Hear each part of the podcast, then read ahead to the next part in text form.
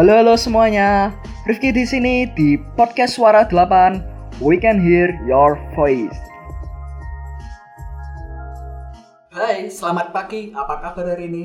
Bersama saya Rifki di segmen Pera Pera Nihongo ngobrol asik dengan bahasa Jepang di podcast Suara 8. Hari ini kita akan ngobrol bareng Bayu Sensei dan Heni Sensei, guru bahasa Jepang SMK 8 Semarang, dan Aulia, siswa SMK Negeri 8 Semarang. Kita akan sharing-sharing nih bagaimana cara berbicara bahasa Jepang dengan baik. Konnichiwa Sensei, konnichiwa Aulia, Selamat datang di podcast Suara 8. Sensei to Aulia-san wa o genki ka? Hai, genki Des. Hai, genki Des yo. Hai, genki Des yo. Sebelum kita mulai acara podcast kali ini, perkenalan diri dulu ya Sensei dan Aulia biar para pendengar bisa mengenal siapa sih tamu kita hari ini.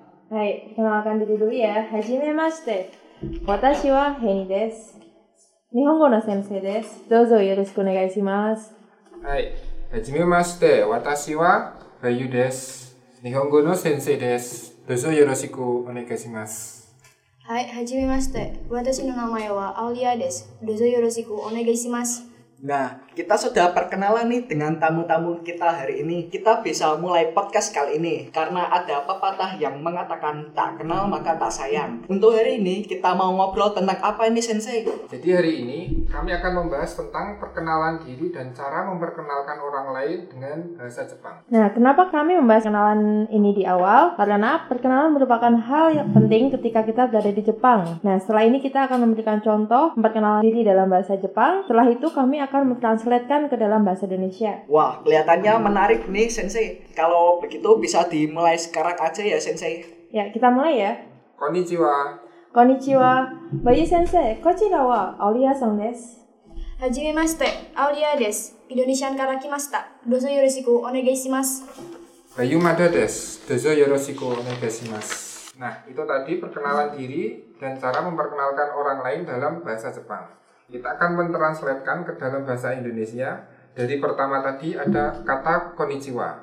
Konnichiwa itu adalah salah untuk men- untuk menyapa seseorang ketika bertemu pada siang hari. Bisa ditambahkan juga ohayo atau konbanwa juga. Nah, kemudian percakapan yang kedua adalah Bayu Sensei, kochira wa Aulia san desu. Jadi kochira itu artinya ini untuk memperkenalkan orang secara sopan. Kemudian Aulia san desu, sang digunakan untuk menyebutkan nama seseorang yang kalau diartikan dalam bahasa Indonesia adalah saudara. Kemudian yang terakhir adalah des. Des sendiri tidak memiliki arti tapi berfungsi untuk membuat kalimat menjadi lebih sopan. Ya, benar sekali. Kemudian yang berikutnya adalah hajime maste.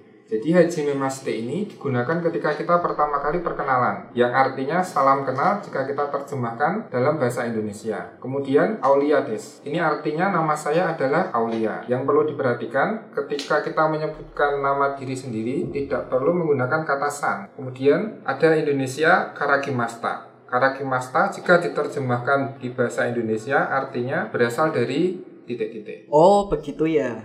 Sensei, sesumon i desu? Hai, i desu yo, dozo. Sensei, kalau kita mau menyebutkan kota kita berasal, bisa atau tidak?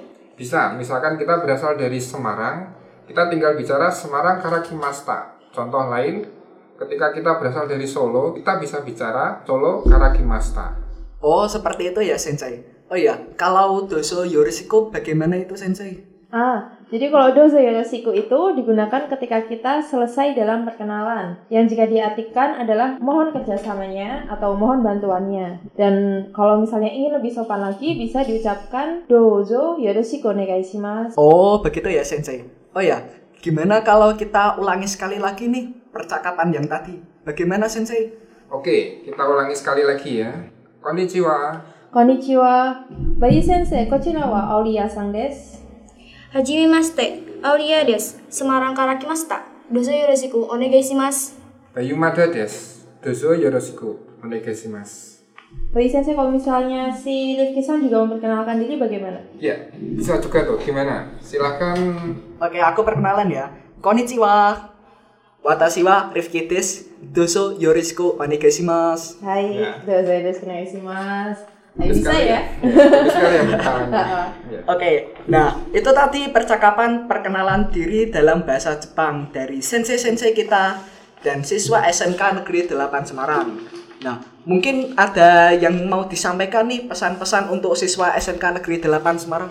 Ya, untuk saya pesan-pesan yang ingin saya sampaikan yang pertama tetap jaga protokol kesehatan, kemudian tetap banyak belajar, membaca dan banyak melihat film-film atau anime-anime Jepang. Mungkin itu aja.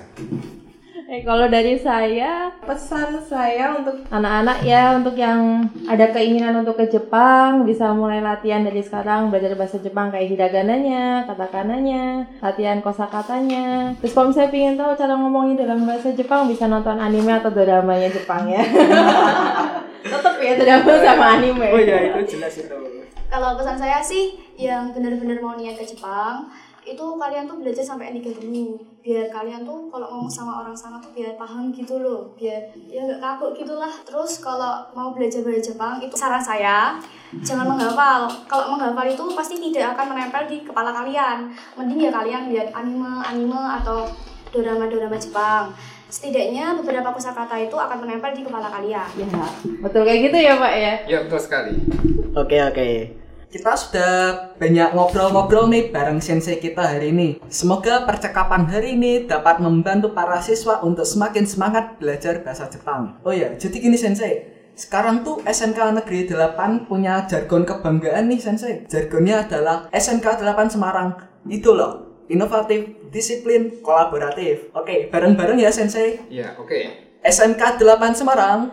Idola, inovatif, disiplin, kolaboratif. Oke, terima kasih kepada Bayun Sensei, Henny Sensei, dan Alia yang sudah berkenan hadir di podcast Suara 8 di segmen Pera Pera Nihongo. Semoga ke depannya podcast Pera Pera Nihongo dan podcast Suara 8 lainnya bisa sukses dan berlanjut terus ya Sensei. Amin. Amin.